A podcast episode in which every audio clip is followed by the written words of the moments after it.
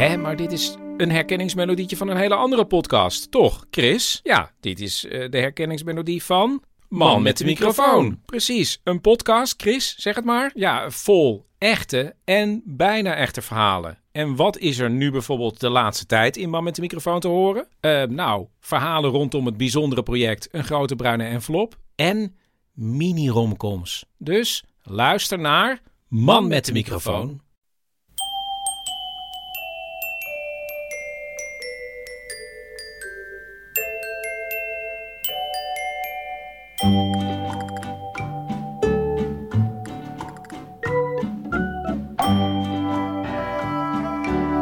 Bij aflevering 372 van Echt Gebeurd, de podcast waarin mensen hun eigen waargebeurde verhalen vertellen. Deze week een verhaal dat Lieke Lemus in februari 2013 bij ons vertelde tijdens een verhalenmiddag met als thema Haat en Wraak.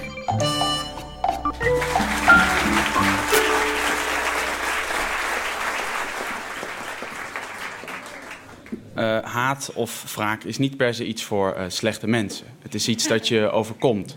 Uh, ze zeggen altijd dat haat en liefde dat dat elkaars tegenovergestelde zijn, maar volgens mij is haat eigenlijk altijd het gevolg van liefde en is dat de oorzaak. En wraak is, dat komt ook voort uit sympathie of respect. Goed, het overkomt je dus. Dit is een jeugdverhaal wat ik ga vertellen. Mijn jeugd bestond voor een groot deel uit voetbal. Ik uh, moet erbij vertellen dat ik heel slecht was in voetbal, maar het was wel wat ik altijd deed. Uh, na school ging ik altijd uh, voetballen op het veldje bij mij in de wijk. Dat veldje dat heette het Luppie. En er was een hele grote groep jongens die daar... Ken, kennen jullie het? Het zou heel raar zijn, ja? Dat, het was in Utrecht. Nee? Okay. En er was een hele grote groep jongens die daar altijd na school ging voetballen. Um, en onze beste voetballer van het hele groepje was uh, Harme. Harme was ook de topscorer van uh, het kampioenselftal van de voetbalclub waar wij in het weekend dan uh, ook gingen spelen. Alleen dan in, in clubverband. En uh, ja, Harme was met afstand de beste. Ja, hij scoorde alles. hij rende het hele veld over. Hij was super goed. En hij had ook echt de ambitie om echt profvoetballer te worden. En dat, dat, dat zou wel kunnen gaan lukken. Bij het Luppie was uh, verder ook nog een basketbalveldje en een speeltuintje. Maar wij zaten altijd in dezelfde hoek. En het was gewoon ons gebied. Het was echt een grote groep jongens van een stuk of twintig ja, jongens. Uh, en ik was, nou, ik denk 12 toen het begon en 16 ongeveer toen dat uh, voorbij was, die tijd. En als we klaar waren met voetballen, dan bleef altijd een gedeelte van, van die 20 jongens bleef zitten, bleef hangen. En eh, de andere, de brave jongens, waar ik ook bij hoorde, waar Harme ook bij hoorde, die gingen gewoon netjes naar huis om uh, te eten thuis en Sesamstraat te kijken. En um, die andere jongens die bleven hangen, die, ja, die hadden de, een andere ambitie, behalve voetballen, om ook een beetje criminaliteit op te zoeken. En die gingen, ja, dat begon met uh, kliko's omgooien, een beetje kut roepen. En, maar dat werd ook gewoon vernielingen aanbrengen. Weet je, autospiegeltjes van auto's trappen tuinen vernielen van mensen. En ja, wij vonden dat op zich oké. Want het waren onze vrienden en ja, en ze beschermden ons wel altijd. En het was ook wel ergens veilig dat je, een veilig idee dat je die groep achter je had. Maar al vrij gauw werden ze ook bekend in de hele wijk. En uh, werd er gesproken over de Lupi Gang. Wat gewoon jongens van 13, 14 jaar oud waren. Maar die wel af en toe in aanraking kwamen met politie. En die elke middag met ons mee voetbalden. Nou, um, Harme die uh, werd op een gegeven moment uh, ziek. Die kreeg vrij plotseling, nou ja, dat was altijd plotseling denk ik, een hersenbloeding. Die was toen uh, eh, 14 jaar oud en die moest naar het ziekenhuis. En um, ja, de sfeer op het voetbalveld veranderde een beetje. Hij was altijd de leider van het team, maar ook gewoon van de club. Hij maakte de opstellingen, hij trapte de bal af. Hij voorzag de wedstrijd altijd van commentaar. Vooral als hij zelf aan de bal was. Het was ook heel grappig. Het was een hele grappige gozer. En omdat hij zoveel uh, vertrouwen had in het voetballen waarschijnlijk... Ja, dan, dan voel je je goed en dan word je automatisch een leiderfiguur. Hij, hij moest naar het ziekenhuis en uh, revalideren. En hij kreeg medicijnen, prednison kreeg je dan. En hij was heel mager en, en, en, en behendig. Maar hij werd heel dik en lomp. En hij was nog steeds even grappig. En, maar ja, hij kon gewoon niet meer voetballen. Dus toen hij na volgens mij echt vijf, zes maanden weer uit het ziekenhuis kwam, toen kwam hij wel weer naar, naar het Lupi om bij ons te zijn en om ja, commentaar te geven. Want voetballen, dat, dat kon niet echt meer. Hij zat dus meestal gewoon op een bankje aan de zijkant een beetje te kijken.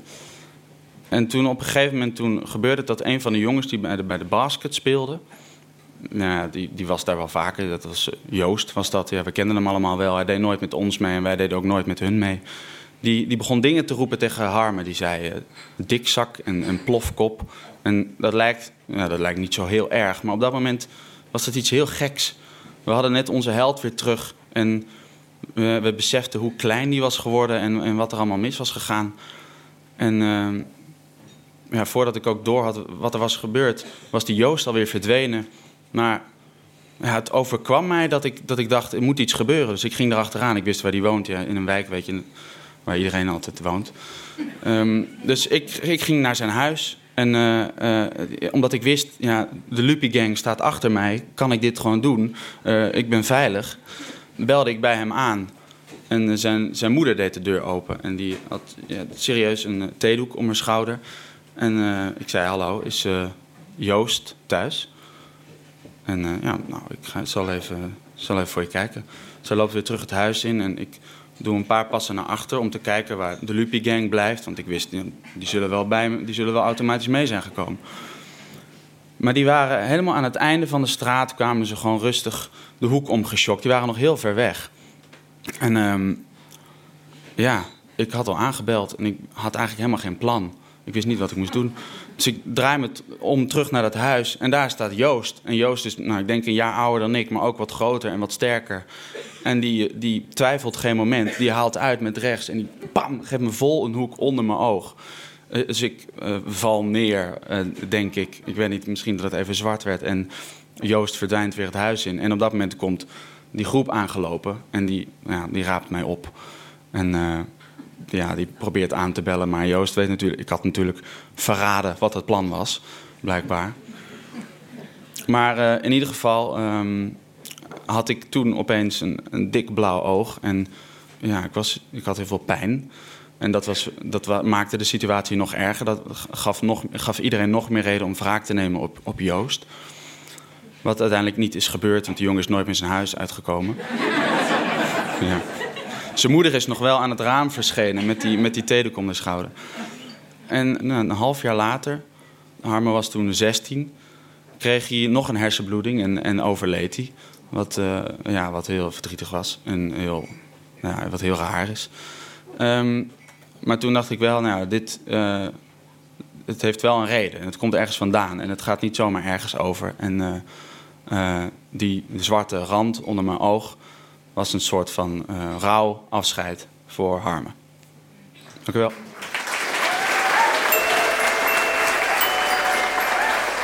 Dat was een verhaal van Lieke Lemoes. Liekele is acteur en schrijver. Echt gebeurd is een verhalenmiddag die iedere derde zondag van de maand, dus bijvoorbeeld komende zondag, wordt gehouden in Comedy Club Toemler in Amsterdam. Onze middagen zijn helaas altijd snel uitverkocht, omdat er in Toemler maar 150 mensen passen. Maar, en nu komt dus het goede nieuws, op 15 november aanstaande organiseren we een speciale editie van Echt Gebeurd in het oude Luxor in Rotterdam. En in het theater past veel meer publiek. Koop dus je kaarten voor onze Rotterdamse editie. En die is dus op dinsdagavond 15 november. Meer informatie vind je op www.echtgebeurd.net, waar je je trouwens ook kunt opgeven als verteller of als vriend van de show. Onze redactie bestaat uit Micha Wertheim, Bijke Aarts, Tom van Rooyen, Renette Kwakkenbos en mijzelf, Paulien Cornelissen. Onze productieleider is Hanna Ebbingen. De zaaltechnicus voor deze aflevering was Nicolaas Vrijman. En de aflevering werd gemonteerd door Gijsbert van der Wal. Hopelijk tot volgende week. En nu allemaal braaf naar huis en Sesamstraat kijken.